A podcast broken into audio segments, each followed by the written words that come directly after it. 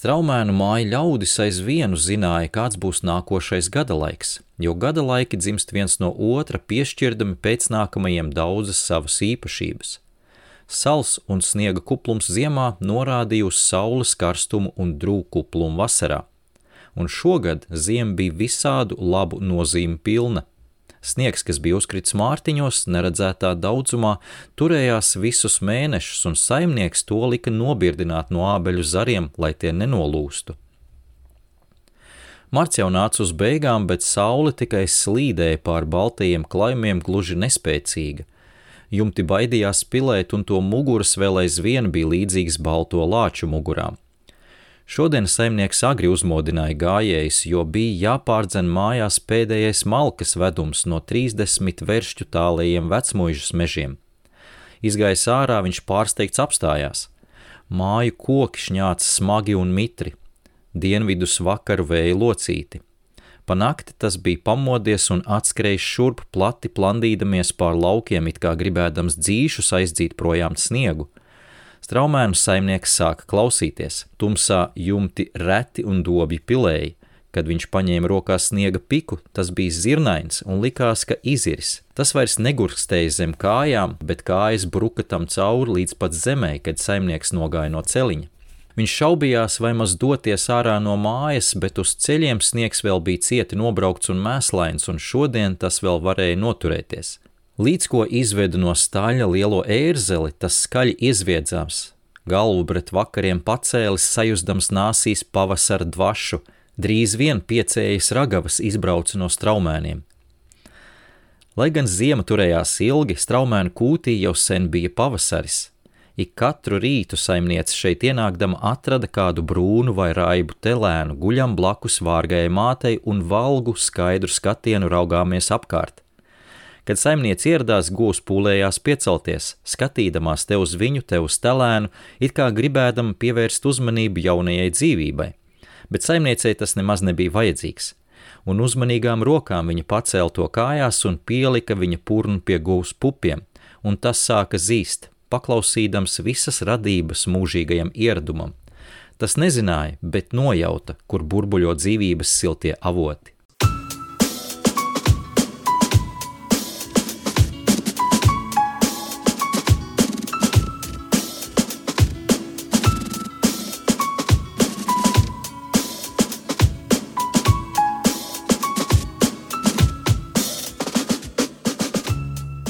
Šis ir podkāsts Restarts, mani sauc Alts Putniņš, un šīs būs sarunas par motorsportu.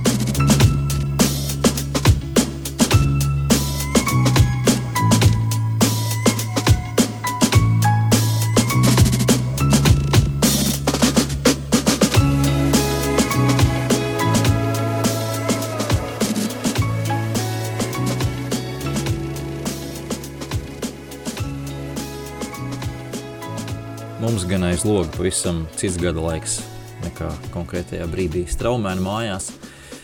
Mums ir pats, pats ziemas sākums, laikam tā mēs varētu noraksturot. Vēlas rudens lapas nobirušas. Interesantā lapām patiesībā šis gads vispār ir ārkārtīgi dīvains bijis. Es nezinu, cik no jums tie, kas klausās podkāstu, dzīvo pilsētā, cik laukos un cik pievērš uzmanību dabas lietām bet uh, šis gads ir ļoti dīvains bijis kopumā. Tā kā es uh, pie dabas esmu diezgan daudz, tad to var pamanīt tādās daudzās sīkās niansēs, un, un man prātiņš laikam ir nedaudz par īsu, lai saprastu, vai šīs izmaiņas ir tādas globālās, ekoloģiskās izmaiņas un to rezultāts, vai tomēr tā, tāds īpatnējs gads, kas, kas, kas varbūt līdz ar to uh, nedaudz ir, ne, negribas teikt, izrauts no konteksta, bet uh, ir pietiekami interesants un unikāls. Uh, jo skaidrs, ka pavasarī uh, bija ļoti pamatīgs un vēls sals, kad viss sāka jau plaukt. Līdz ar to ir nosalušas man arī dārzā pāris jaunās ābelītes, kas tā arī nav pamodušās un kas izskatās būs, kas būs jārauj, jārauj un jāstāda pa jaunam. Vēl pāris kociņi ir aizgājuši bojā, ir, ir milzīga gribētu teikt, 80 gadus veca liepa, nokaltusi, kas, kas zaļoja, kuploja. visus iepriekšējos gadus, un šogad absolūti neviena lapiņa nebija. Un tas tik milzīgam kokam ar tik milzīgu sakņu sistēmu ir kaut kas unikāls. Tad vēl atceramies, ka bija ārkārtīgi sausa uh, vasaras pirmā daļa, un nebija vismaz šajos, šajā reģionā lietus faktiski nebija vispār. Un tagad, ko es skatos, tad ir man arī pagalmā milzīgs, milzīgs ozols, arī simts gadus vecs, tipiskais pieclatnieka ozols, tāds kupls. Patiesībā ozolam tādam nav jābūt. Tik kuplam, ja tu speciāli viņu, protams, ne, neapgriez un uh, kaut kādā veidā nekop viņu, uh, kad, kad ozols vēl ir mazs, jo uh, mums ļoti bieži tie kuplie lielie ozoli ir bērnībā bijuši apgrausti no zaķiem. No ozols ar tomēr tāds taisns un, un garš, un šis tiešām ir nu, mežonīgi kupls, tāds uz, uz malām vairāk viss iet un daudz, daudz zari. Līdz ar to, protams, kā jūs teicu, skaisti izskatās un Uz pieclatnieku pilnīgi noteikti liekams, bet kas ar to ozolu? Ozolam šogad nav vispār nevienas zīles, toties lapas ir milzīgas, kā, kā grāmatas lapuses. Nu, tik lielas lapas es neesmu redzējis ozolam, šim konkrētniekam. Nav tā, ka šis ir īpatnējs ozols un tā katru gadu būtu tāds lapas. Parasti nu, normāls lapas kā lapas. Šogad tās lapas ir iespaidīgas vienkārši, nu, tā kā no Černobiļas nedaudz. Tas tā nedaudz atslodzēja dabas lapusīte bija mums arī latviešu valodas un vēstures lapusīte ar straumēniem. Absolūti nebija meklējis īpaši šo citātu, atvēra faktiski vienā, vienā, vienā lapusē, un, un pirmais, pirmais, ko ieraudzīju, to arī nolasīju šoreiz tā, bez, bez liekas meklēšanas. Šajā podkāstā, protams, vairāk par Formuli 1 pāris jautājumu, kas ir jāatbild, kā vienmēr esmu sakrājis parādiņus uz jautājumiem pāris nesu atbildējis. Es pēc tam tiem cilvēkiem, kas man ir uzdevuši šos jautājumus, varbūt Twitterī, un tie ir palikuši gaisā karājoties neatbildēt, es viņiem arī cenšos Twitterī piefiksēt, un uh, viņu, viņu vārdus varbūt piefiksēt, ietagot laikam, kā, kā latviski ir. Aizāķēt viņus, uh, lai viņi pamana, uh, ka šis podkāsts ir ierunāts un ka tajā ir arī atbildi uz viņu varbūt jau mēnesi atpakaļ uzdoto jautājumu. Tā kā, kā es teicu, es ļoti ceru, ka nepazūd tie jautājumi kaut kur nebūtībā, un lielāko daļu mēģinu savākt. Ir, ir patiesībā pāris sekotāji Twitterī, kas atbild manā vietā uz jautājumiem. Lielas paldies viņiem, viņi paši zina, kas viņi ir. Tiešraidē tie jautājumi ir ārkārtīgi daudz, un uz tiešraides jautājumiem es arī cenšos pāris atbildēt. Protams, ja sacīks laikā tas notiek tiešraidē, tad ļoti grūti ir izdarīt. Pāris jautājumu arī tādu šodien ir, kas ir no sacīks, jo tur tomēr novērsties uz, uz Twitter ir nav īpaši veselīgi. Var palaist kaut kādas nianses garām. Uh, Uh, bet uh, līdz ar to Twitter izskatās tā, ka man ir uzdot veselu rindu jautājumu, un es nevienu nesu atbildējis. Uh, bet patiesībā tās atbildes ir bijušas tiešraidē. Tā kā es ceru, ka tik, tik traki nav tomēr gala rezultātā. Vēl viena lieta, ko es gribu atgādināt tiem, kas ir Patreon atbalstītāji šo podkāstu, protams, klausās ātrāk nekā visi pārējie. Uh, pāris dienas iepriekš tiek publicēts, un tiem es arī atgādinu, ka joprojām ir iespēja pieteikties, pieteikt savu kandidatūru uz F1CLV podkāstu, savukārt pēdējo tiešraides epizodi, kas notiks pēc abu dabī uzreiz, un kā jau ierasts, būs divas stundas gara, un ir iespēja tikt klāt studijā. Es jau redzēju, ka ir pāris pieteikumi iesūtīti, divas, divas brīvas vietas mēs piedāvājam, un Tā kā dodot, dodaties uz Patreon lapu, tie, kas ir Patreon atbalstītāji, atsūtiet ziņu ar savu vārdu, uzvārdu, par ko jūs fanojat. Formulā 1 un kopš kura laika jūs to darat, kā vienmēr. Protams, pēdējā podkāstā, noslēdzošā sezonas podkāstā, mēs dosim runāt pietiekami daudz arī mūsu viesiem, mūsu līdzstējiem, Patreon atbalstītājiem, F1 līdzstēju kluba biedriem, uzaicinātajiem viesiem, kas nu mums būs šoreiz kopā. Izskatās, ka tā studija mums arī ir nedaudz mazāk varbūt nekā ietilpīga nekā iepriekšējos gados, līdz ar to būs mm, seši viesi, ja nemaldos tagad. Mēs palikām pie sešiem viesiem. Bet visi pilnīgi noteikti tiks pie vārda, tāpēc arī šī, šī neliela aptauja, par ko fanojat un cik ilgi, lai mēs attiecīgi varētu izdomāt apmēram kādu tēmu, iedot runāt. nebūs tas kā eksāmens, pilnīgi noteikti iedosim arī iepriekš kaut kādu ziņu, par ko tad sagatavoties, tā kā droši tie, kas ir Patreon atbalstītāji, noteikti piesakieties un veiksim tad izlozi. Jau šobrīd ir katrā ziņā vairāk kā divi pieteikušies, tā kā būs jāizlozē mums starp kandidātiem.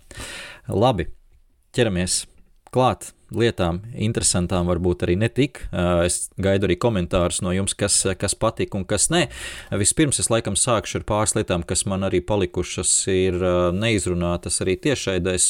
Tas konteksts nedaudz pazuda, līdz ar to man tā savāktā informācija gan galvā, gan uz papīra ir palikusi, un es to šoreiz arī šajā podkāstā mēģināšu izrunāt un atstāt Divas lietas, ko, ko noteikti pārunāsim, ir Alonso. Viena lieta, otra lieta, ko neesmu tā arī sakārtojis, ir meitiņu čempionāts vai sieviešu čempionāts, F1 akadēmija un vispār viņa iespējas, Formulā 1 arī un tā tālāk.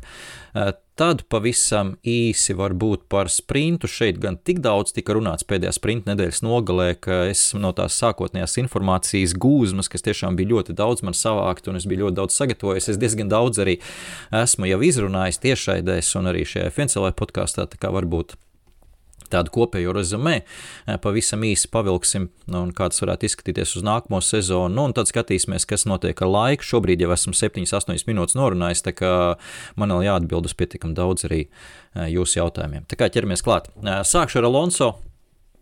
Alonso man iepriekšējā nedēļas nogalē Brazīlijā sagādāja milzīgu prieku, pilnīgi noteikti viņa sniegums, viņa kvalitāte trasē, kombinācijā ar viņa vecumu un briedumu un vispārējo personību, protams, un raksturu.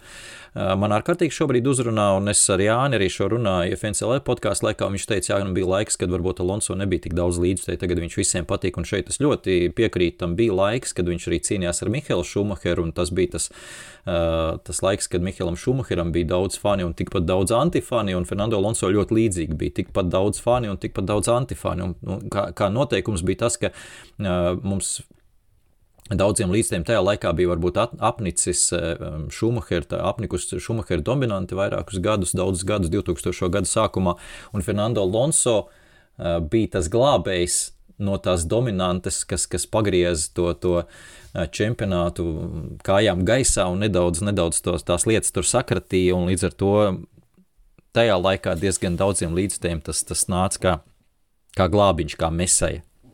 Es biju viens no viņiem, es nemaz neliekšos. Man arī Šumahera dominanta bija nedaudz, nedaudz apnikusi. Tas ir normāli. Arī šobrīd es domāju, ka Maks Verstapena dominanti ir daudziem apnikus pat Verstapena līdzstājiem, pat viņa talanta cienītājiem. Skaidrs, ka viņam pašam arī gribās tomēr interesantākas cīņas sacīkstēs. Un toreiz Alonso arī kļuva par vienu no maniem mīļākajiem pilotiem, pilnīgi noteikti, un gadu gaitā sekošana viņam līdzi bija diezgan sāpīga, ņemot vērā, kā viņam veicās pa karjeru, kā viņam gāja, bet tas, kādas īpašības viņš spēja demonstrēt daudzās komandās, kas varbūt nebija tobrīd vadošās komandas, tomēr ne brīdi nelika vilties vai šaubīties par viņa spējām, par viņa talantu. Un šobrīd tas viss ir uzskatām redzams, un jaunai paudzei, es jau šokad kaut kad teicu patiesībā, ka jaunai paudzei Fernando Alonso varbūt ir tāds atklājums jaunai līdztai paudzei šajā gadījumā domāju, bet eh, patiesībā mēs jau ļoti, ļoti sen zinām, uz ko ir spējīgs Alonso, un dodiet tikai viņam īsto mašīnu, un viņš vēlnu parādīs visiem. Uh, Bet vecums, jā, tā lieta, par ko es patiesībā gribēju pārnāt, ir vecums. Un 40 pāri gadi, 42 gadi. Nu, tas ir diezgan solīts vecums jebkuram sportistam profesionālā top līmenī. Tas principā ir veterāna vecums daudzos sporta veidos, kur uh, tu jau vairs profesionālā līmenī nespēji uh, augstākajā līmenī startēt, spēlēt. Uh, sacensties tā tālāk, tā joprojām, lai kāds sporta veids būtu pārējai, kā jau teicu, tādā veterāna līmenī. Nu, Formulā viens tāda veterāna kategorijas mums nav, bet mums ir pāris eh, veterāna eh, vecuma eh, piloti, un Hamiltonu arī mēs faktiski tūlīt, tūlīt pie tādiem varam pieskaitīt. Pirms tam tāds bija Kimi Raikonens, bet ar Alonso šo lielisko sniegumu, es arī ilgi domāju, kas tad ir tam par iemeslu un kā tad ir ar tām fizioloģiskajām īpatnībām, kas nāk ar vecumu un kas, kas mainās ar vecumu, un cik tas ļoti ietekmē mūs visus, cik tas ļoti ietekmē Alonso vai neietekmē attiecīgi. Šeit tomēr jāņem vērā, ka cilvēku arī anatomija nedaudz, nu, anatomija pēc būtības nevar būt atšķirīga lielā mērā, tā ir vienāda, bet eh, šīs īpatnības un īpašības ir nedaudz atšķirības, kā, atšķirīgas, kā cilvēks eh, novecojot reaģē uz vairākiem procesiem. Un man, man liekas, ka Alonso šajā ziņā ir nedaudz īpatnējs. Tas nenozīmē, ka viņš ir unikāls tikai tāpēc, jo ir viena cita lieta, kas viņu notur tajā, tajā līmenī, kas, manuprāt, ir krietni svarīgāk, bet skaidrs, ka bez fiziskā šeit neiztikt. Un ņemot vērā kādu, kādu pārbaudījumu izciet šogad Formula 1 eh, piloti karstākajā sezonas sacīkstē un smagākajā, un Alonso tur nekrita ārā no, no kopējās ainas, tad skaidrs, ka ar fizisko viņam viss ir kārtībā. Tā viena lieta, kas traucēt varētu vecāka, vecākiem pilotiem, ir reakcijas trūkums. Bet reakcija kā tāda, Formulā 1, tas arī ļoti īpatnēja lieta. Par šo ir vairāk pētījumu bijuši. Es eh, speciāli pameklēju, un tad es atceros, ka Ross Browns savulaik savā grāmatā par šo stāstīju, un es speciāli atradu, atradu šo citātiņu. Es jums to arī izstāstīšu. Tā, man liekas, ir nenormāli interesanta lieta eh, par reakcijas ātrumu. Eh, tad, lūk, par reakcijas ātrumu, kur tas ir vajadzīgs Formulā 1. Principā tas visvairāk būtu vajadzīgs tajā mirklī, kad uh, pilots veic uh, lidojošo apli kvalifikācijā. Tad tā reakcija kā tāda uh, ir varbūt akūtāk nepieciešama. Un eh, Alonso gadījumā viņš kvalifikācijas lielmeistars nav bijis nekad savā karjerā. Viņš nav bijis arī lietus meistars nekad savā karjerā. Nevar teikt, ka viņš tādā vienā elementā ir kaut kur izcils. Es teiktu, ka viņš ir tuvu izcilībai absolūti visos elementos. Nav viņam absolūti nekādas vājās vietas, bet nevar teikt, ka viņam viens elements ir izteikti pārāks par pārējiem. Vienīgā lieta, kur varbūt viņš atšķiras no daudziem citiem pilotiem, ir tas, ka viņš ir kā hameleons ļoti spējīgs pielāgoties apkārtējai vidē, šajā gadījumā, jebkāda veida formulē. Un tā ir tā lieta, kas viņu izceļ par visiem pārējiem, jo visos citos elementos uzskaitiet, kādus gribat.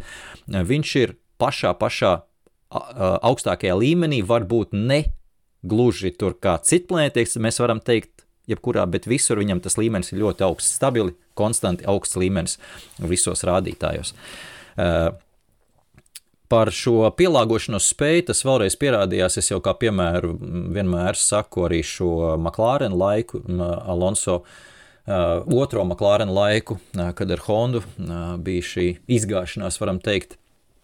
Un viņa komandas biedrs bija, komandas biedrs bija Stofels Van Dūns. Tad tā mašīna bija pilnīgs Vanskars pilnīgi noteikti un nebraucama miskaste.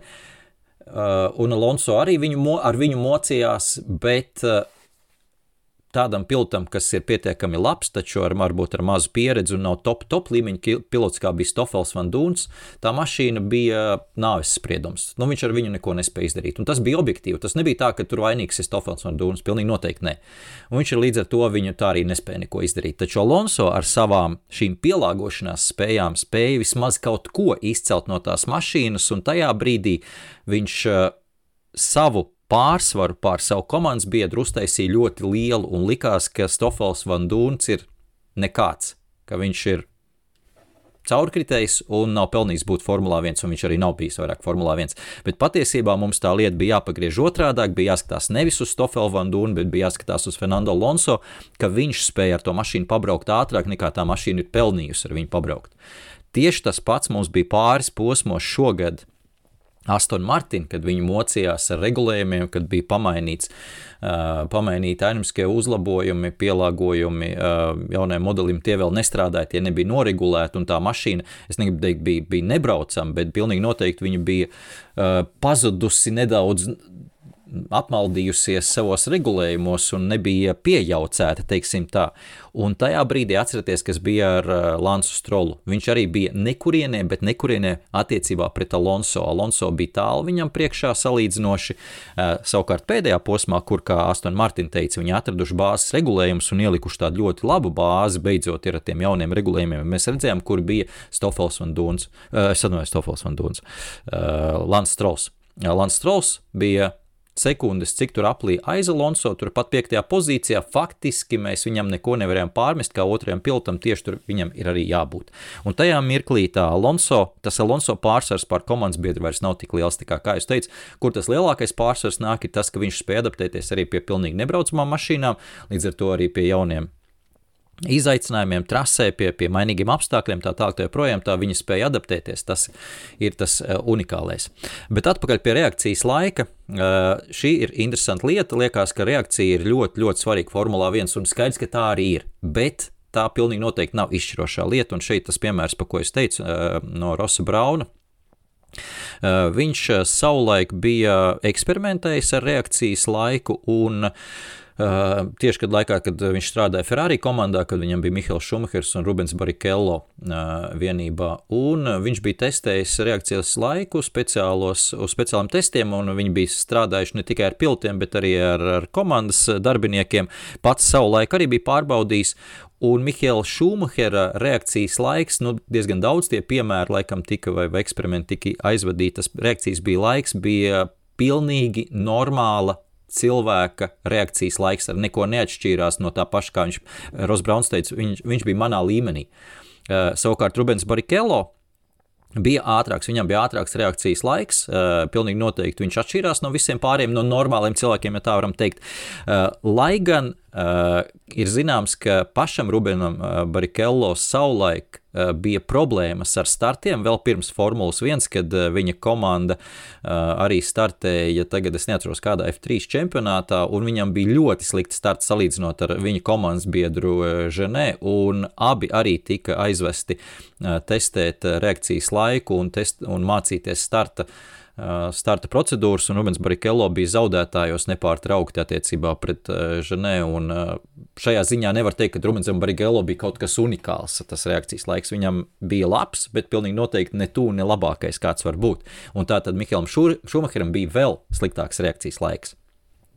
Un tas nozīmē, ka tam nav tieša korelācija starp pilota spējām uh, starp, starp šo reakcijas laiku un pilotu spējām, jo nu, mēs visi zinām, ko Mihails Šumahers ir izdarījis. Un kur ir tas skaidrojums? Tas skaidrojums ir tāds, ka, lai brauktu ātri ar mašīnu vai sacīkšu mašīnu, tas nenozīmē ātri reaģēt uz to, ko tā dara, bet tev ir jābūt sajūtai, ko tā gatavojas darīt.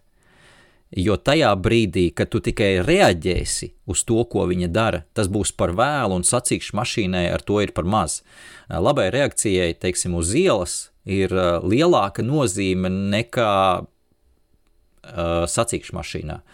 Jo nevienam nebūs tik laba reakcija, lai reaģētu un pilnīgi noķertu visas avārijas, visas saslīdēšanas. Mēs redzam, ka piloti to spēj izdarīt, bet tā faktiski ir eh, ne tik ļoti kā reakt, tīrā reakcija, bet faktiski paredzēšana uz to, ko tā mašīna darīs konkrētajā brīdī, paredzēšana, ka tā saķera eh, konkrētajā mirklī pie konkrētā ātruma eh, šajā līkumā pazudīs un būs jārēģē vai ir jārēģē. Tā kā Tas, tas ir tāds neliels, es teiktu, varbūt nevaram mēs to uztvert tā pilnīgi oficiāli eh, pārbaudītu faktu, jo daudz, daudz mums eh, laikam piemēri nav eh, tam, bet pilnīgi noteikti tas, ka reakcija reakcijas laiks samazinās uz, uz vecumu, nenozīmē, ka pilots kļūst konkurēt nespējīgs. Un kā jau teicu, šeit eh, fizioloģiskās atšķirības ir daudz un dažādas. Kā nu kuram cilvēkam, eh, citam varbūt redze nedaudz pasliktinās uz 40 gadiem, tas ir normāli. Eh, muskuļu, muskuļu reakcija nevis tā kā reakcija, uz ko, uz ko tu redzi, bet jau pēc tam nākamā, nākamais reakcijas solis, ko, ko smadzenes tev padod, kas ir jādara, un tad šis muskuļu reakcijas laiks iespējams samazinās. Tā kā, protams, tur visādi ir iemesli, kas varētu padarīt pilotu lēnāku uz vecumu, bet pagaidām Alonso tas, tas nav parādījies, un kā jūs teicat, tad šeit ir cits nedaudz iemesls, manuprāt, tam visam, un tas ir galvā šoreiz, nevis, nevis muskuļos, nevis ķermenī, bet galvā. Un tajā vecumā, kad tev ir 40 gadi, skaidrs, ka tu uz dzīvi skaties nedaudz savādāk. Tu skaties uz, uz savu darbu, savu ikdienu, savu atpūtu, uz ģimeni, uz pilnīgi visu dzīvi skaties savādāk.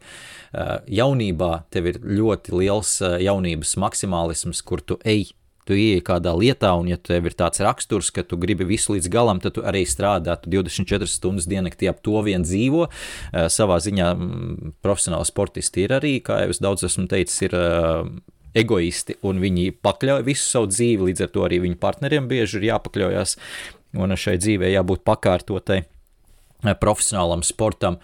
Uh, Un skaidrs, ka tādu motivācijas līmeni ilgi noturēt ir ļoti, ļoti grūti. Un Alonso šobrīd nu, nav tāda izteikta dzīves partneri, nav sieva, nav bērni. Uh, pilnīgi noteikti daļai tas ir saistīts ar to, ka viņa dzīve grozās joprojām Formula 1, un viņš ir spējis saglabāt šo motivāciju. Un tas ir tas, kas atšķir viņu no daudziem uh, citiem.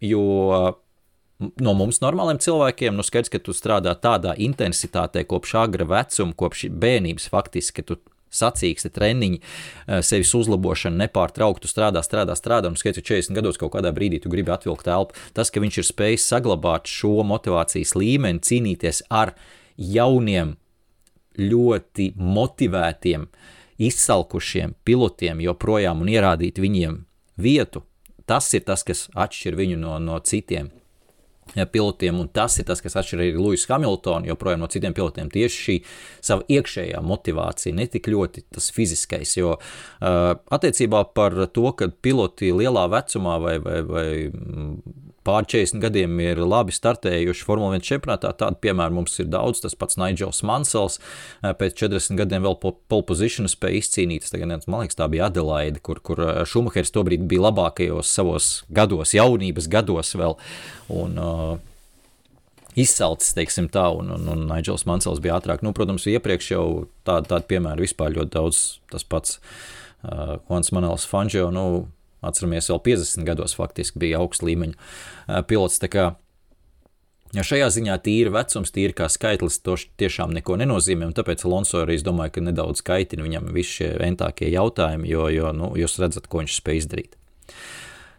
Tā kā beigsim dziedāt, laikam, beigšu dziedāt slavas dziesmas. Fernando Alonso liksim šo tēmu nost.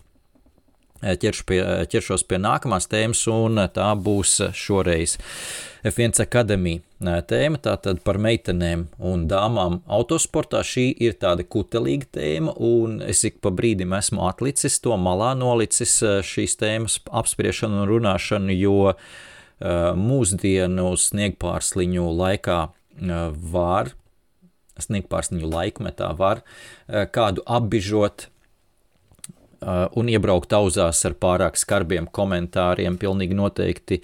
Uh, un, kā ir teicis Rikijs Džervejs, tad uh, visiem ir tiesības apbižoties. Tas ir pilnīgi normāli. Apbižojieties.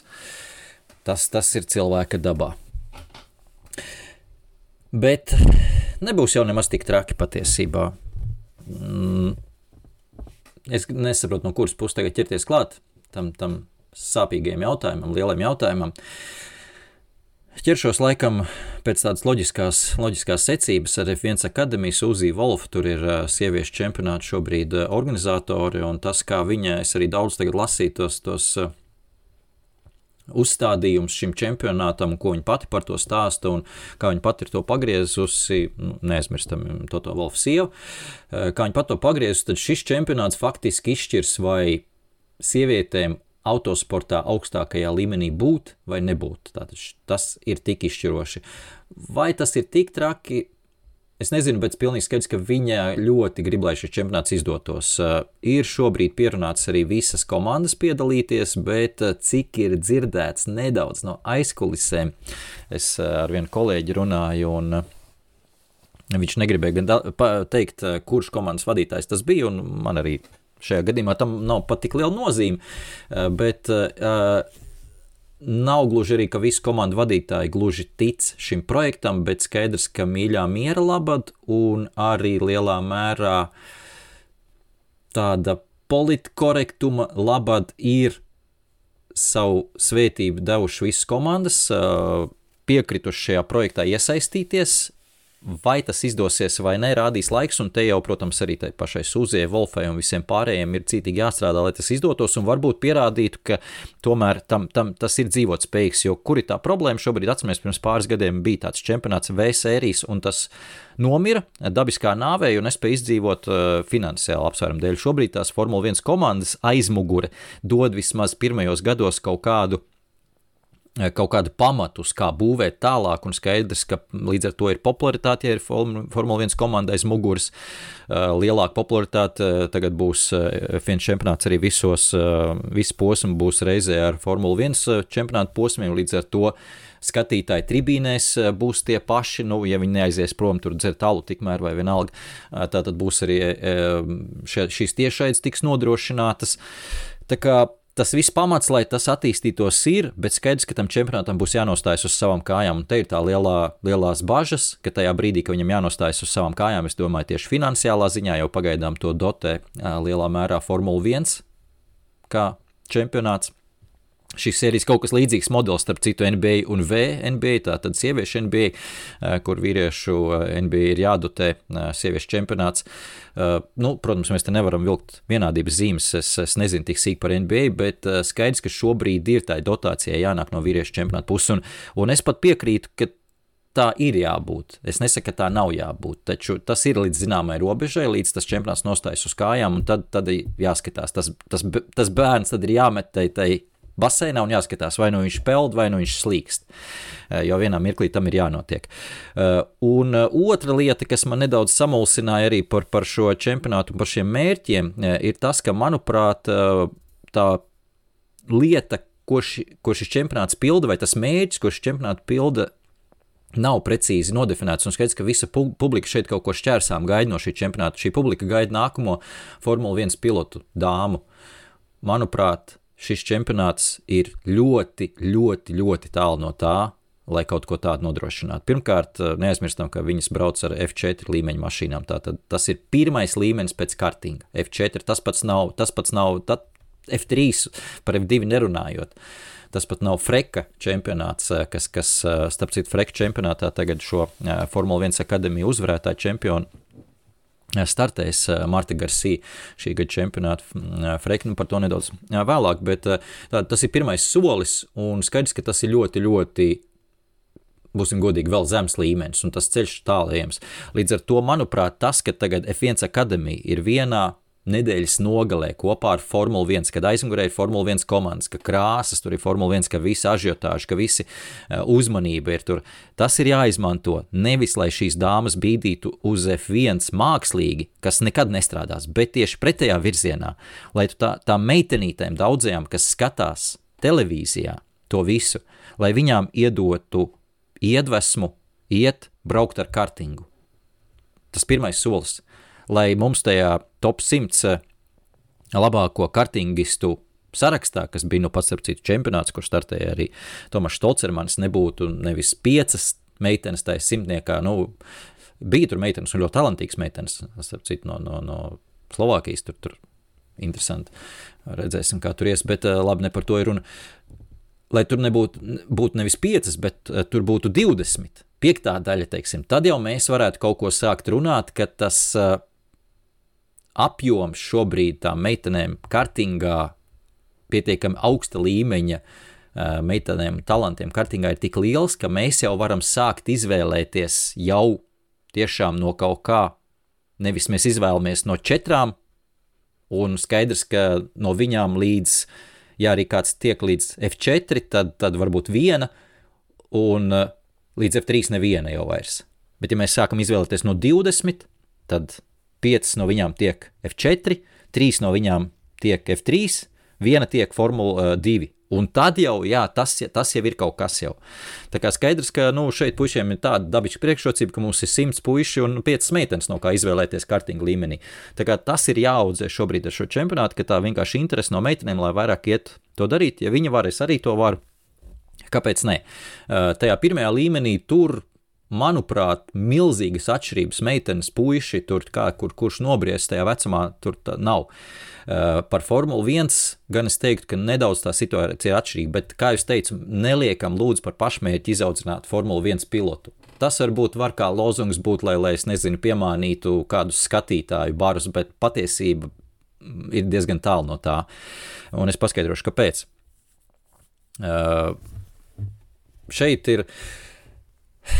Es domāju, ka tam mērķim jābūt tiešām, ka tajā autosportā kopumā tās sievietes ir vairāk vienkārši. Tam ir jābūt tam pašmērķim, kā es teicu, ar, caur to, ka tās, tās meitenes iet uz kartingu. Labi, viņas aiziet līdz kartingu kaut kādam līmenim, saprot, ka priekš manis viss beidzies, bet man tā interese par šo lietu ir. Kāpēc viņa nevar būt mehāniķis? Mums Formulā 1 ir daudz pietiekami, nu jau mehāniķi. Kāpēc es nevaru būt stratēģis kādā komandā?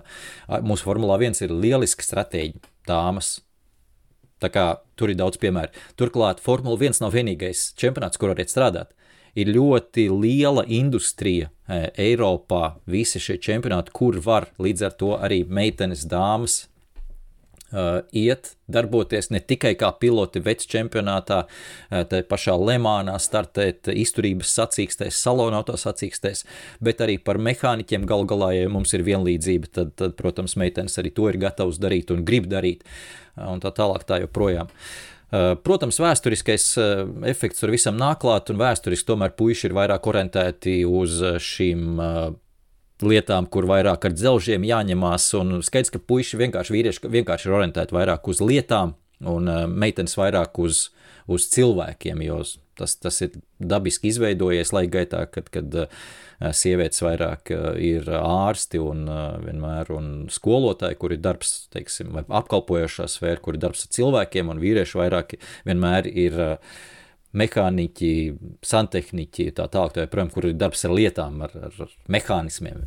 Tā tālāk. Tā. Līdz ar to tas jau tikai dabiski to atlasi veids. Bet labi, ne tajā arī gribu līst. Eh, kā jūs teicat par Formule 1 pilotiem, kur ir tā lieta, kas, kas man to skepsi uzdzen, ka nebūs mums tuvākā laikā sieviete eh, Formule 1 eh, pilots? Un tas bija iepriekš iespējams, bet šobrīd tā Formula 1 ir tik augstā līmenī nokļuvusi un tik ļoti niansēta, nokļuvusi, kļuvusi, ka tās nianses būs svarīgas. Varbūt tās nianses pirms gadiem 30, vēl jau vairāk 50 nebija tik ļoti svarīgas. Lai gan arī skaidrs, ka bija, un tad bija fiziski varbūt vēl tas smagāk nekā tagad, un skaidrs, ka ierobežojumi bija, bet šobrīd tie 20 piloti, kas ir labākie piloti pasaulē, teorētiski tā būtu jābūt. Vai tā ir vai tā nav, mēs atkal varam strīdēties, bet teorētiski tam tā būtu jābūt. Šobrīd es neredzu starp viņiem vietu sievietei tikai tāpēc, ka tās nianses ir tik ļoti svarīgas. Kā es nu pat teicu par Fernando Alonso, ja pat kaut nedaudz viņam nebūs tā motivācija un sevis, sevis dzīšana uz priekšu, nu, viņš zaudēs to desmitdaļu. Un tā desmitdaļa šobrīd formulā nozīmē, ka tu nokrīti momentā no 5. uz 15. vietu. Un meitenei šīs nianses, diemžēl, būs fiziskās, un tā jau ir anatomija, un tur, tur to neviens nav izmainījis. Uh, joprojām noturība pret stresu vīriešiem ir augstāka nekā meitenēm. Protams, šo var uztrenēt un iemācīt, bet anatomijas lietus, lietas nevar izmainīt. Vīriešu kauli, hormoni, visi muskuļi ir blīvāki. Tas pats reakcijas laiks, starp citu, ir ātrāks vīriešiem, un par reakciju jau es runāju, cik tā ir svarīga vai maz svarīga beigās, tā kā to mēs varam nelikt. Bet arī kustības laiks un kustības ātrums un zibenīgums ir, ir ātrāks puišiem. Un ja mēs varbūt to vēl nejūtam kaut kādā zemākā līmenī, lai gan kartings tur arī ir nenormāls nianses, tur vispār ir desmitdaļās, simtdaļās viss arī svarīgi, protams, ir, kā jūs teicat, Formula 1 tas būs svarīgi. Nu, un tad pieliekam klāt visu kopējo izturību tam visam un atceramies, kas notika, kā es teicu, šajā katarā ar to trako sacīksti, un tad iedomājamies, ka tur būtu bijusi arī dāma un meitene klāt mums Formula 1 sacīkstē. Puiši nespēja to izturēt, kas ir trenēti, kas uz to ir visu gājuši, visu dzīvi. Un uh, Man ļoti negribas tomēr, lai mēs skatītos uz šo meiteni citādi, kas, kas ir Formula 1. Iedomājamies, ka mums tagad ir Formula 1 eh, dāma, sieviete, eh, meitene vienalga ka mēs skatītos uz viņu citādi. Man pašam to būtu grūti salauzt. Es vienmēr dāmai mēģinu atvērt durvis. Mm, kad viņi iet iekšā, nu, pret, pret sievieti ir jāizturas kā pret sievieti. Tas, tas visiem mums ir ieaudzināts, un tas visiem ir skaidrs. Un man ļoti negribas, lai mēs mēģinām dabūt vienlīdzību Formulā 1 un tomēr skatāmies uz to meiteni un uz to dāmu nedaudz tā, it kā mums viņai joprojām jāpadod roka. Tas nenāks nevienam par labu, uh, pilnīgi noteikti, un, kā jūs teicat, šī katra smagā sacīkste, uh, iedomājamies, ka būtu bijusi dāma mūsu Formulā 1 vai FIA reakcija nebūtu bijusi asāka līdz ar to, vai nebūtu jāpārtrauc sacīksti. Un neviens jau skaļi neteikt, ka tas ir dēļ dāmas, dēļ vienīgās meitenes. Šoreiz FIA atstāja to visu džeku ziņā. Jūs esat profesionāls sportists, tiekat ar to galā. Nu, es nezinu, protams, un otra lieta vēl, kas, kas pilnīgi noteikti, kas ir jāpasaka, tad uh, mums ir vajadzīgi, ja mums ir Formula 1 dāmas un sieviete, tad viņi ir vajadzīgi ļoti labi ļoti labā līmenī, nesliktāka par to, tiem pārējiem 19. Tas ir absolūts minimums. Tas ir absolūts minimums. Nesliktāk. Nevis tāpēc, ka viņi ir meitene, viņa ir Formula 1, bet tāpēc, ka viņi ir labs pilots, ka viņi ir top 20 pasaules pilots. Un, eh, ja tā nav, tad uh, tas radīs tikai sliktu atsitienu. Ja viņi būs 2-3 sekundes lēnāk aplī par visiem pārējiem, un viņi būs Formula 1, uh, eh, tas uz daudz gadiem atmetīs atpakaļ meiteņu iespēju iekļūšanu Formula 1. Līdz ar to, kā jau teicu, manuprāt, tuvākā pārskatāmā nākotnē es neredzu iespēju, ka būs sieviete, meitene, dāma Formulā 1. Protams, vienmēr var piedzimt kāds vienradzis un, un, un kaut ko izdarīt unikālu, un to mēs arī gaidām un ceram, bet, lai mēs to vienradzi atrastu, tad, kā jau teicu, ir, ir jāstrādā nevis uz augšu, bet uz aizmuguri, uz apakšu, uz leju, tātad uz tām masām, uz tām daudzajām meitenēm. Varbūt ar viņām ir vienradzis, bet tas vienradzis nav ticis pie iespējas, tas vienradzis uh, ir kļuvis par skolotāju, kas arī ir labi, kas ir lieliski un fantastiski, bet varbūt bija jāiet jā par Formule 1 pilotu. Tā kā Tad tur ir tā lieta, uz turieni jāstrādā, un tad varbūt mums ir iespēja izfiltrēt šobrīd, kā es teicu, nu, tas, tas ir Tas, tas ir maz iespēja. Un es skatījos arī šo pēdējo posmu, F1 akadēmiju, ko rādīja mums kopā Amerikas posmā. Tas bija, ko rādīja kopā ar Formuli 1 eh, translācijām, un man visu laiku gribējās ielikt uh, kādu no F4, eh, šajā F4 formulā, kādu no Tomašs Stolcerman, piemēram, Tomašs Stolcerman, kurš arī ir uzbraucis pāris, pāris testus ar F4, ielikt viņu arī šajā sacīkstē. Un cik būtu nenormāli interesanti paskatīties un salīdzināt. Un es tiešām nezinu, kāds ir rezultāts. Tur, tur, tur var tikai nojaust, spekulēt un, un, un, un tā tālāk. Bet tas būtu ļoti interesanti paskatīties, un tad mēs redzētu to patieso, patieso uh, patieso ātrumu, teiksim, kas tajā brīdī ir tām meitenēm. Šobrīd, kamēr viņas brauc savā starpā, tur tās sacīks pietiekami interesants, bet mēs nevaram novērtēt, kāds ir viņu līmenis. Mēs absolūti nevaram. Mēs viņus savā starpā salīdzinām, bet uh, tagad uz nākamo sezonu, jau teicu, Marta Garcija būs frek čempionātā, tur gan uh, viens akadēmija diezgan cītīgi seko līdzi. Viņi pirmkārt ir ielikuši labajā, kom labākajā komandā Prema ir pilns finansiālais atbalsts uz uh, nākamo sezonu, un ne tikai tur. Tātad, uh, nu, tā, manuprāt, ir tomēr laba lieta, uh, bet viņai būs pilns. Mm, nu, gluži, gluži it kā viņš šobrīd ir, ir F1 akadēmija paspārnē joprojām, jo viņai būs pilns treneru atbalsts, padomu devēji, vispārējais, um, tikai jārāda sniegums. Uh, Tur jau būs grūti. Pilnīgi noteikti Freka čempionāts ir ļoti sarežģīts. Es teiktu, ka Freka tā, tā ir cita tēma, un es negribu pagaidām tajā līst, jo es skatos uz 40 minūtes, es norunāju, es divas tēmas neesmu izcēlējis līdz galam ārprāts. Bet uh, Freka čempionāts, jeb Formula Regional European Championship, šī abreviatūra tulkojās, atšifrējās. Šobrīd sāk kāpt uz papēžiem FIA Formula 3 čempionātam, un mēs redzam, ka daudz piemēri, ka arī Formula 1 komandas izvēlas savus jaunā, jaunos spilgtos talantus pēc F4 ielikt šajā frek čempionātā, un tad pat taisnos Formula 2 izlaist šo F3 soli. Tā kā te arī nu, tā, tas tāds dabiski atlases arī šiem čempionātiem. Protams, Formula 1 vai FIA gribēja tur uzbūvēt savu, uh, savu piramīdu, bet uh, tas, tas viss dabiski lēnām noslēņojas un nostājas savās vietās. Un ļoti iespējams, tur atkal būs kaut kādas izmaiņas tajā hierarhijā. Uh, visā, bet uh, Freka čempionāts ir tāds dabiskais pēctecis arī visiem šiem Formula Renault čempionātiem, kas savulaik pēc tam bija Alpīna. Arī tagad, man liekas, tas Alpīna joprojām piekabināts tajā nosaukumā, kaut kur klāt oficiāli vismaz skaitās. Uh, Formula Renault savu, savulaik bija ļoti spēcīga čempionāta, un Formula Renault 3,5 litru sērijas faktiski ražoja izēju materiālu Formula 1 čempionātam. Čempioni vēlāk, vēlāk ļoti augstu kotējās arī, arī Formula 1. Ja tā kā redzēsim, kā ies, kā ies dāmai, kā ies Martai Garcijai, kā šis čempionāts attīstīsies, bet kā jau tā pavisam īsi rezumē, kā jau es teicu, tad, manuprāt, jāskatās uz leju, jāstāsta uz kartingu, uz, uz masas jātaisa, šobrīd meiteņu masas jātaisa kartingā, un tad jau varbūt mēs pie tā vienreiz kaut kur tiksim arī, arī tajā līmenī, un tad skatīsimies, kas notiek tālāk. Šobrīd uz augšu skatīties ar kādām šīm meitenēm, es domāju, ir diezgan bezcerīgi. Labi, izskatās, ka pāris tādas nebūtiskākās tēmas man jāizlaiž. Ķersimies pie jautājumiem. Tās lietas, ko es gribēju tomēr sakārtot, bija jautājumi. Uh, viens interesants jautājums, ko es noliku malā, jo jautājums ļoti apjomīgs bija, bija arī vienā tiešraidē. Ja nemaldos uz beigām, līdz ar to arī sapratu, ka nepaspējuši izstāstīt. Uh, Elgars to prasīja. Es arī viņam, es arī viņu ietegošu pie Twitterī, pie šī podkāsta, ka viņš būs publiski pieejams jau visiem, ne tikai Patreon biedriem. Lai, lai viņš arī šo atbildi uz viņu jautājumu var noklausīties, un jautājums ir par uh, bateriju. Par tāda tehniska lieta būs šoreiz tiem, kam nepatīk tehniskas lietas. Eh, jāpārtina. Nezinu, kāds desmit minūtes, varbūt tik daudz nevajadzēs. Eh, tātad šoreiz par bateriju jautājums bija. Vai vari pastāstīt eh, par bateriju nedaudz vairāk, cik liela priekšrocība to izmantojot, cik ātri tā reģenerējas un cik bieži to var izmantot?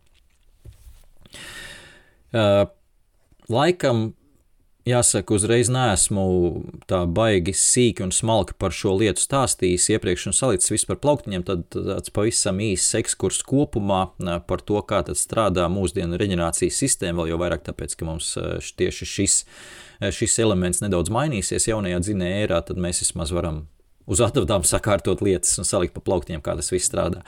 Tātad šobrīd Formula 1 izmanto pirmkārt jau MGU K, jeb uh, motor generator unit. Tātad tā tas atšifrējas. Kinetika, tātad šis K ir K, tātad kinetika, tas ir pirmais no elementiem, reģionācijas elementiem, kas faktiski ir elektromotors. Viņi abi ir faktiski pēc būtības, pēc tehniskā, tehniskās definīcijas elektromotori.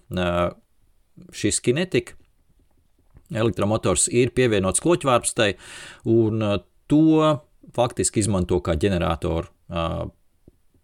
Tas arī strādā, lai samazinātu ātrumu ar dzinēju bremzēšanu, un šo kinētisko enerģiju tas pārvērš elektrībā un uzlādē bateriju. Tā pavisam ļoti vienkāršot to, to var skaidrot.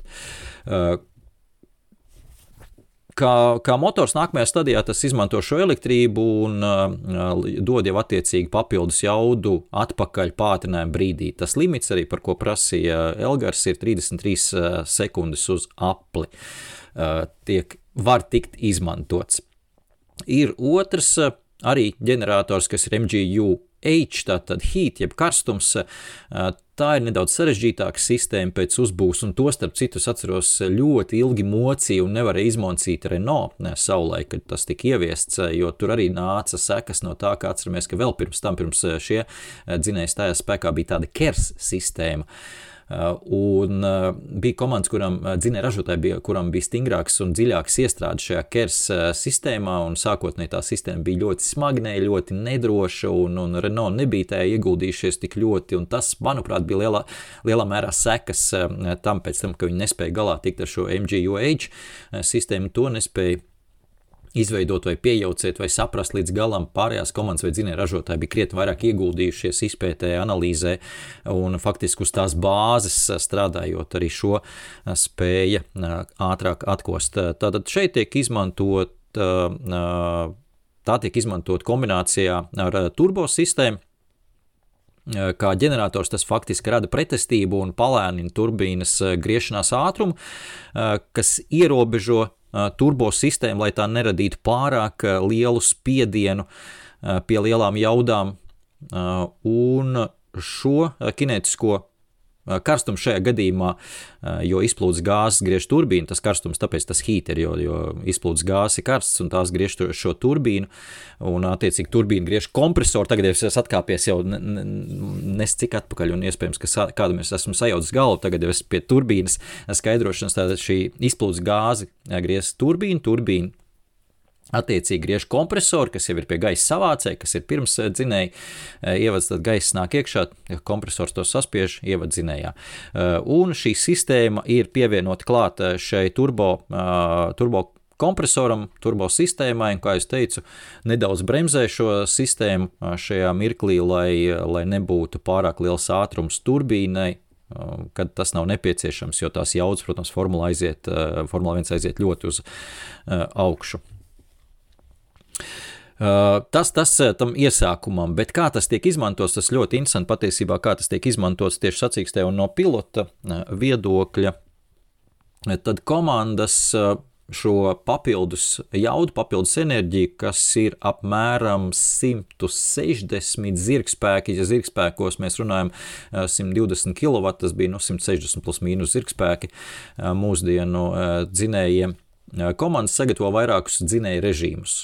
Cik tie dzinēju režīmi ir, kādi tie dzinēju režīmi, tas, protams, ir komandas noslēpums, bet nu, pilnīgi skaidrs, ka tie ir tātad normālais režīms, kas ir normālā sacīkšu distancē pie konkrētā degvielas patēriņa, pie konkrētā tempa, pie konkrētā deg, riepu nodiluma. Ja pilotam nav jācīnās ne ar vienu citu pilotu, viņam jāuztur temps, viņam ir viens režīms. Uh, ja viņam ir jāsāk eh, cīnīties ar kādu citu pilotu, aizstāvēt savu pozīciju, kā bija Fernando Alonso un pat un Sergio Peresam, vai uzbrukt, tad, protams, ir pavisam cits režīms, kas vairāk ir domāts uz, degvi, uz eh, baterijas eh, šo tērēšanu, un skaidrs, ka tajā mirklī vairs nevar reģenerēt šo papildus enerģiju konkrētā apļa laikā.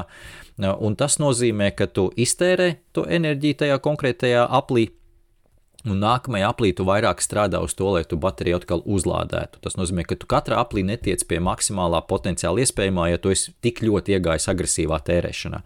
Un tā ir tā lieta, par ko arī uh, Fernando Alonso uh, ko darīja eh, sacīkstes laikā un eh, kā cīnījās ar Sergio Peres, jo Sergio Peres darīja tieši to pašu. Tā ir tā spēle, tā šaha spēle, kas notiek starp pilotiem, jo viens aiz otru tieši Sergio Peres braucot aiz Fernando Alonso redz, kurā brīdī viņš reģenerē šo savu Eh, bateriju, jo aizmugurē sāk mirgot šīs gaismas, sarkanās gaismas tajā brīdī, kad notiek eh, šīs reģenerācijas eh, process tieši bremzēšanas zonās. Un kur to darīja Alonso, kā to darīja Alonso, tā bija tā spēle kaķis ar peli, kurš kaķis, kurš peli, to jūs varat uzminēt paši, jo Alonso jauca pēdas nepārtraukti ar to jauca pēdas, ka viņš to darīja ļoti dažāda, eh, dažādās vietās un līdz ar to mainīja ne tikai savus pilotēšanas trajektorijas, ne tikai savus bremzēšanas punktus, bet arī mainīja nepārtraukti šos režīmus. Cik liels tas arsenāls ar režīmiem tagad pilots nav gluži tā, ka viņš nospiež pogu un tagad es reģenerēšu, bet viņš maina tikai režīmu. Viņš pāriet uz agresīvāku, mazāk agresīvu sistēmu, jau izdara vispārējo pārējo. Un, eh, Tā ir tā lieta, ko darīja Alonso. Viņš mainīja šos rež režīmus, kā jau teicu, mainīja trajektorijas, mainīja bremzēšanas punktus un jauc nepārtraukti eh, Sergio Peresam gaisu, palielam tā var teikt. Un, eh, un neļāva atrast ideālāko punktu un vietu uh, uzbrukumam un izstrādāt šo uzbrukumu un izplānot šo uzbrukumu, jo nākamajā aplī jau tajā pirms tā līkuma jau Alonso savādāk uzvedās. Tā ir tā lielā māksla. Neiet, neieiet kaut kādā šajā stresa līmenī, neieiet kaut kādā tādā monotonā braukšanā, ka koncentrēties viss tagad man precīzi jāizbrauc tā, ka vispār nav iespēja man apdzīt, es precīzi izbraucu pa šo trajektoriju un nekādu citu, bet tieši otrādi. Virtuozi katrā līkumā braukt savādāk, tai pašā laikā nezaudēt īpašu ātrumu un jaukt nepārtraukti pēdas uh, savam, uh, savam oponentam. Uh, nu, ko vēl par šo tēmu var pateikt, ir tas saucamais uh, termins clipping, ko mēs ļoti bieži arī dzirdam. Uh, tas ir mirklis, kad uh, reģenerācijas sistēma vairs uh, nevar dot enerģiju. Bieži tas ir garajās taisnēs. Starp citu, jā, to var redzēt arī telemetrijas datos. Ja jūs paskatāties maksimālos ātrums, kur aug šī līkne, šis maksimālais ātrums garajā taisnē iet, iet, iet, iet, iet uz augšu un eh, pašās, pašās taisnas beigās tas nedaudz sāk kristies, lai gan pilots vēl dod gāzi grīdā, ar pilnu gāzi brauc joprojām. Tajā brīdī vēl nu, var redzēt blakus, ja telemetrijā redzam blakus šī līkne, kur ir gāze, tad akcelerācijas eh, pedāļu nospiešanas eh, procenti Viņam ir joprojām 100% nospiests gāzes pedāls, bet tā līkne, ātruma līkne aiziet līdz kaut kādam punktam un sāk nedaudz kristies.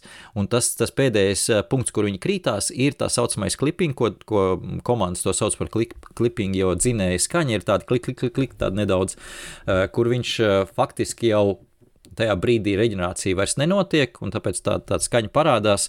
Un kāpēc ātrums pazūd? Tāpēc, ka nav šīs papildus jaudas. Dzinējs strādā vairs tikai uz iekšzemes dzinēju, bet pie tā ātruma, ko viņš ir sasniedzis, parasti tas ir virs 300 km/h, uz viņu jau darbojas ļoti lieli aerodinamiskie spēki, viņam jālaužās cauri šai gais, gaisam, gaisa molekulām, un tur, protams, ir liela pretestība, un bez šīs papildu jaudas, bez šiem cik es teicu, 160 zirgiem, jau, jau tas nozīmē, ka pie tā ātruma uh, viņš nespēja vairs pātrināties, un tas ātrums nedaudz sāk kristies jau šīs 160 zirgi nost tajā brīdī. Uh, Eh, tas, tas ir tas klipings, un te jau ir atšķirības starp tiem dzinēju ražotājiem. Tās īpatnības jau atšķirās, kādi ir tie eh, režīmi. Protams, komandas eh, jau gribētu arī tos, tos režīmus, vai tie dzinēju ražotāji tos režīmus sataisīt tādus un šitādus un agresīvus, un, bet tas viss ir at, atkarīgs no tā, kāda tev ir turbīnas sistēma, cik liela tev ir turbīna, jo komandām ir atšķirīgas turbīnas, cik, cik liels ir griešanās ātrums, cik tā ir efektīva, cik izdalās karstums tajā laikā, cik tu noslogot ilgstoši vari to turbīnu, lai tā nepārkarstu, jo, ja tev sāk pārkarst, tev vajag lielāku dzēsēšanas sistēmu, kas tev aizņem vairāk vietas,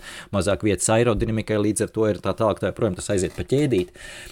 Viss, un tas, tas, jā, tas ir pietiekami sarežģīti, bet tajā pašā laikā abnormāli interesanti. Es ceru, ka es esmu kaut kādu skaidrību, kaut nedaudz ieviesis par šo bateriju, baterijas sistēmu. Iesim tālāk pie jautājumiem, jo tuvojamies stundas atzīmē. Ārts Sābels prasīja sarkanā karoga jautājums. Jā, šis jautājums bija pēdējā posmā, kur bija sarkanais karogs, bet es arī nepagūju viņu atbildēt, un, un kā jau teicu, vairāk tomēr jāstāsta sacīks. Tad Ārts Sābels prasa. Sarkanā karoga jautājums. Augsta līmeņa inženiera noilgums ieņemt amatu citā komandā 21. gadsimtā ir vērā ņemams ierobežojums? Tas ir jautājums. Strādā attālināti, cik un ar ko gribi, Neba tev tur kāds FIA darbinieks piejaucēts, kurš eh, skatās uz atlaistā inženiera pirkstiem. Eh, jā, tātad te ir runa par noilgumu. Es laikam pieminējos, ka uh, ir Maiks Eliots jā, no Mercedes aizgājis, un viņam ir tagad noilgums, kā minimums varētu būt seši mēneši, bet es pieļauju, ka gads šis gardening leave, tātad jāstrādā dārzā. Uh, ir tā nosacītā tēlaini izsekoties un nevar strādāt savā profesijā. Gardening leave, jeb noilgums darbam nākamajā komandā ir svarīgs. Nevis tāpēc, ka tu nevari mājās strādāt, un tu, protams, kā cilvēks, kas strādā šādā industrijā, nu, smadzenes nevar izslēgt. Protams, tu strādā, domā, analizē kaut ko, strādā pie datora, vienalga ko.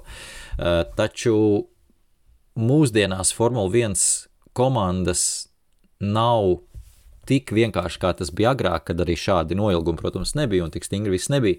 Šeit nav tik daudz atkarīgs no viena cilvēka un no viena cilvēka pēkšņas idejas.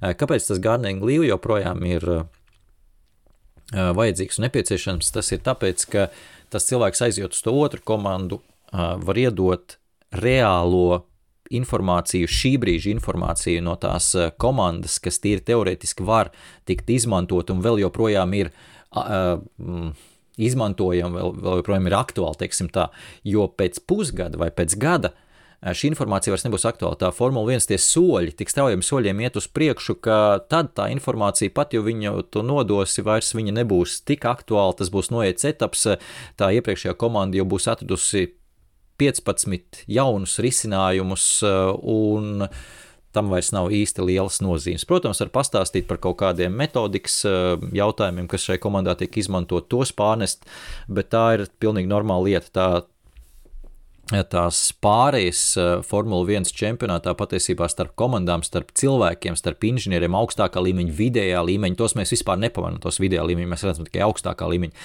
Vidējā līmeņa arī starp mehāniķiem ik pa brīdim notiek, notiek pietiekami daudz, un tam ir loģisks pamatojums, jo visu laiku nu, nedrīkst dzīvo, dzīvot izolācijā. Ferrari komanda ir bijusi tā daudzus gadus arī iepriekš, arī vēsturiski, kas dzīvoja ļoti lielā izolācijā, un uh, liela daļa no tā, ka tā komanda, Ferrari komanda nav spējusi bijusi brīžiem epizodiski ļoti ilgu laiku konkurēt ar pārējiem, ir tas, ka viņi dzīvo izolācijā.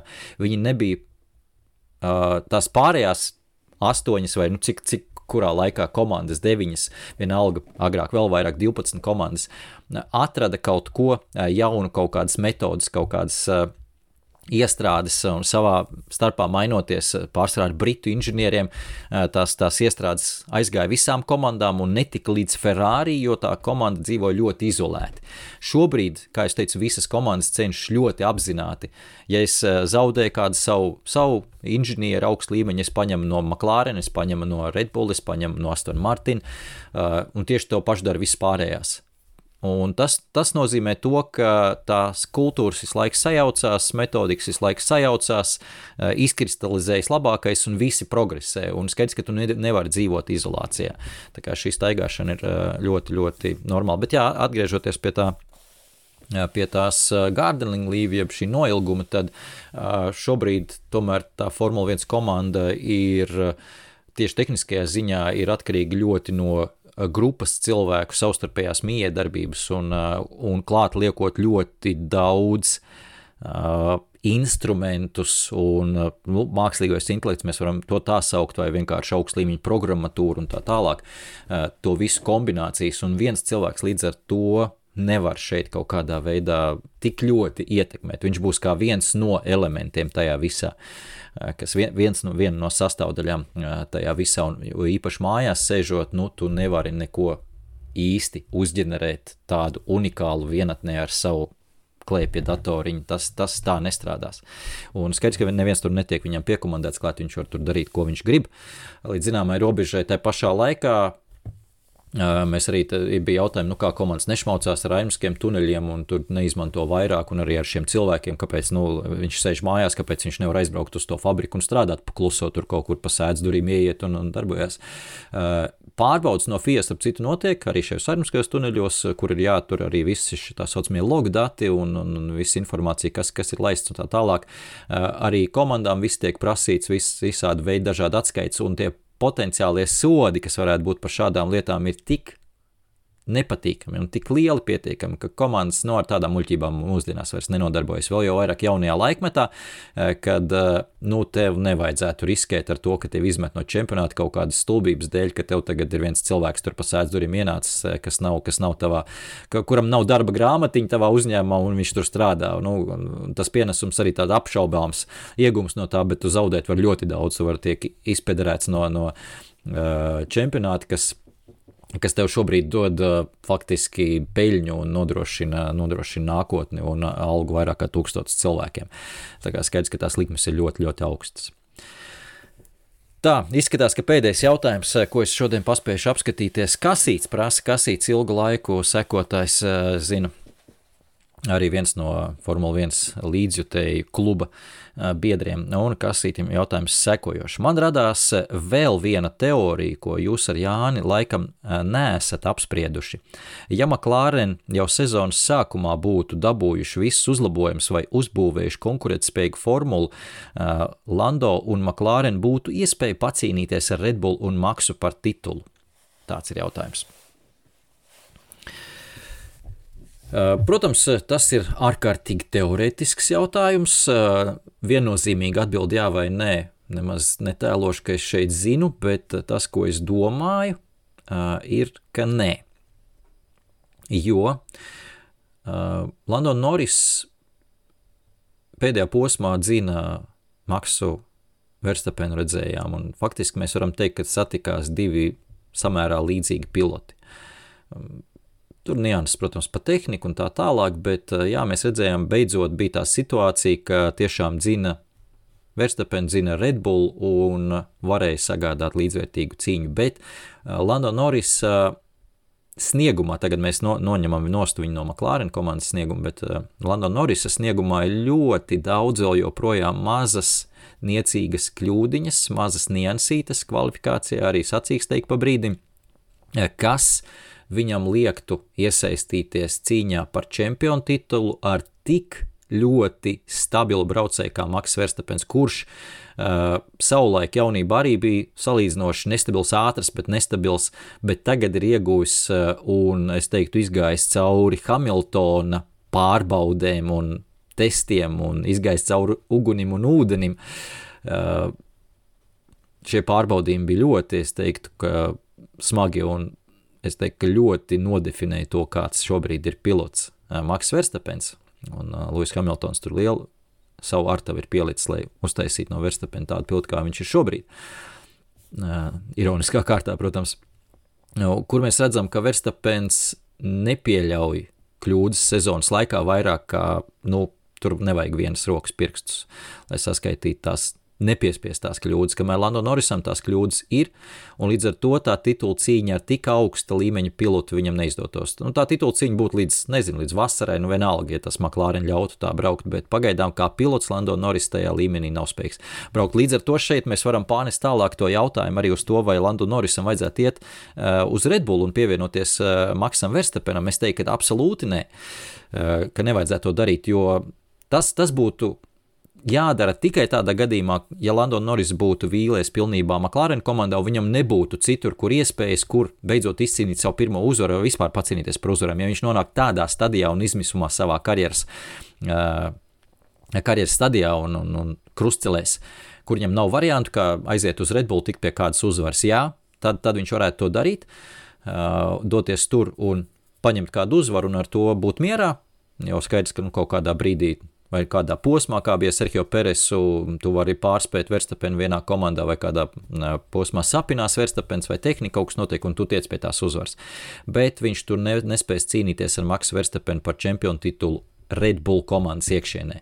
Tam ir daudz iemeslu, kā jau teicu, viens tas, ka viņš pagaidām kā pilots tam nav gatavs, bet otrs tas, ka Verstapens šobrīd tajā vidē, tajā sistēmā ir, ir pirmais pilots. Un nevis tāpēc, ka tur Red Bull tagad viņam tur visu pienes uz sudraba e, šķīvīšu un viss tikai viņam un tikai teļ viņa, bet viņš to sistēmu ir atkodis, viņš to sistēmu ir pagriezis visu e, to kuģi kā vajag tā sistēma strādā uz viņu, jo viņš nodrošina to rezultātu. Un tā sistēma dabiski tā ir izveidojusies. Nevis tā, ka kāds ir pateicis, mēs strādāsim uz viņu, bet sistēma dabiski izveidojas un pielāgojas tam pilotam, kas ir labākais, kas tev nes rezultātu. Un tas tā vienkārši notiek. Daudz piemēru. Uh, vienu piemēru no futbola pateikšu ātri.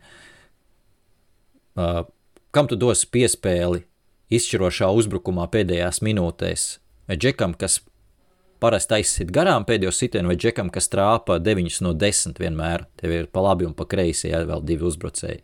Nu, skaidrs, ka tu dos tam, kas iesit 9 no 10, nedomājot. Orientēsies uz viņu un tendēsies uz viņu. Nu, varbūt nezinu, vai piemērs labs, bet, bet apmēram jūs sapratāt. Tā kā tā sistēma Red Bull ir šobrīd uh, visa aptinusies ap uh, Maksu Verstapenu, līdz ar to Lando Norrisam ienākt un uh, aptīt ap sevi to sistēmu ir gandrīz nereāli, vēl vairāk ņemot, kā jau teicu, viņš kā pilots līdz tam nav nobriedis. Bet savukārt, startojot tajā pašā McLaren, protams, viņam atliek cerēt, ka McLaren ir jāuztais tā formula. Viņam ir krietni lielāks iespējas pacīnīties ar Maksu Verstapenu par titulu, jo tajā brīdī iestājas spēkā tas tehniskais moments, tehniskais elements, kur tās mašīnas ir atšķirīgas. Šito es atceros ļoti daudz arī no iepriekšējiem gadiem Tieši par Mihālu Šumacheru bija runa. Es neatceros, kurš tas bija pilots, kurš to teica. Eh, ļoti iespējams, tas bija Alonso, bet es varu samelot. Eh, katrā ziņā viens no viņa oponentiem, kas uz kādu brīdi arī iesaistījās cīņā par čempionu titulu ar, ar Mihālu Šumacheru, tad eh, labi Pieņemsim, ka tas bija Alonso, bet es neesmu drošs, varbūt arī nebija. Bet es atceros tos vārdus, kas teica, ka uh, vienīgi, nekad, es nekad neiešu startēt vienā komandā ar Mihālu Šumacheru, jo vienīgais veids, kā es viņu varu pārspēt, ir citā komandā. Esot ar citām riepām, esot ar citu formulu, esot, man ir cerības viņu pārspēt.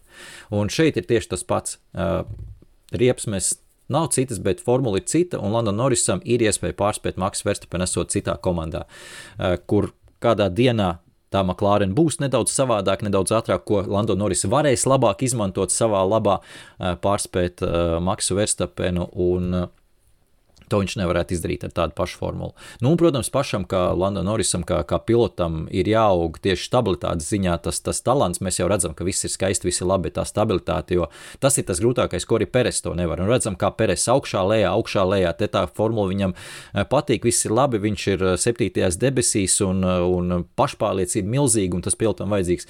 Te aiziet kaut kas šķērsām, viņam viss ir lejā, viss ir slikti, un zūd pārliecība pār sevi, un viss pazūd. Un skaidrs, ka ar tādiem emocionāliem viļņiem un kritumiem, nu, tur nekādīgi nevar cīnīties par titulu ar, ar, ar cilvēku, ar pilotu, kurš uh, stabili, augstā, nemainīgi augstā līmenī var operēt visu sezonu, visu sezonas garumā, saglabāt gan motivāciju, gan līmeni, gan vispārējo. Tas ir ļoti svarīgi, un, un tāpēc vēlreiz atgriežos pie tās 21. gada sezonas. Ļoti bieži to lieku kā piemēru, kur mēs redzējām, ka tie divi piloti, Hamiltons un Verstapens, pacēla savu līmeni un pacēla viens otru līmeni ļoti, ļoti augstu un noturēja to visas sezonas garumā, un visi pārējie palika tālu, tālu aizmugurē. Pute, tur putekļos, kādos putekļos putekļi sen bija nosēdušies, kad atbrauc pārējie. Tā kā tas, tas ir tas piemērs. Labi, paldies, ka noklausījies līdz galam. Paldies par jautājumiem. Kā jau teicu, ja nu tu jautājumu kaut kur uzdod virtuālajā vidē, Twitterī vai kaut kur citur, es arī pārskatu YouTube tiešraides, eh, Fiencelē podkāstu YouTube tiešraides.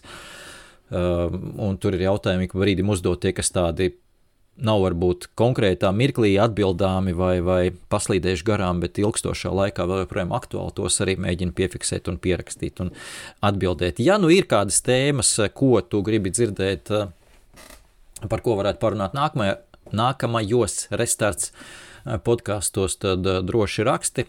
Patreon arī starp citu atbalstītāji visiem ir iespēja to darīt. Tad droši rakstiet, sūtiet messages vai konkrētajos komentārus pie pie podkāsta. Un neaizmirstiet, ap citu, ka tagad ir jauna aplikācija Patreon, kur ļoti ērti to var klausīties. Tagad visus podkāstus jāatjauno šī aplikācija, jums vēl vecā versija, tad noteikti atjaunojiet, tur viss ir ērtāk, pieejams, apskatāms, iegūstams, un neaizmirstam, ka arī Spotify ir pieejami šie podkāsti.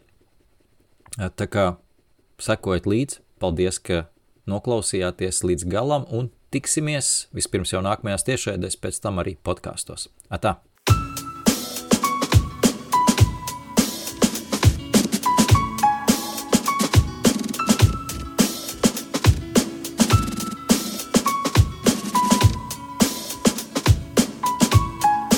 Mūzika no Perfect Muse, Lucky Number.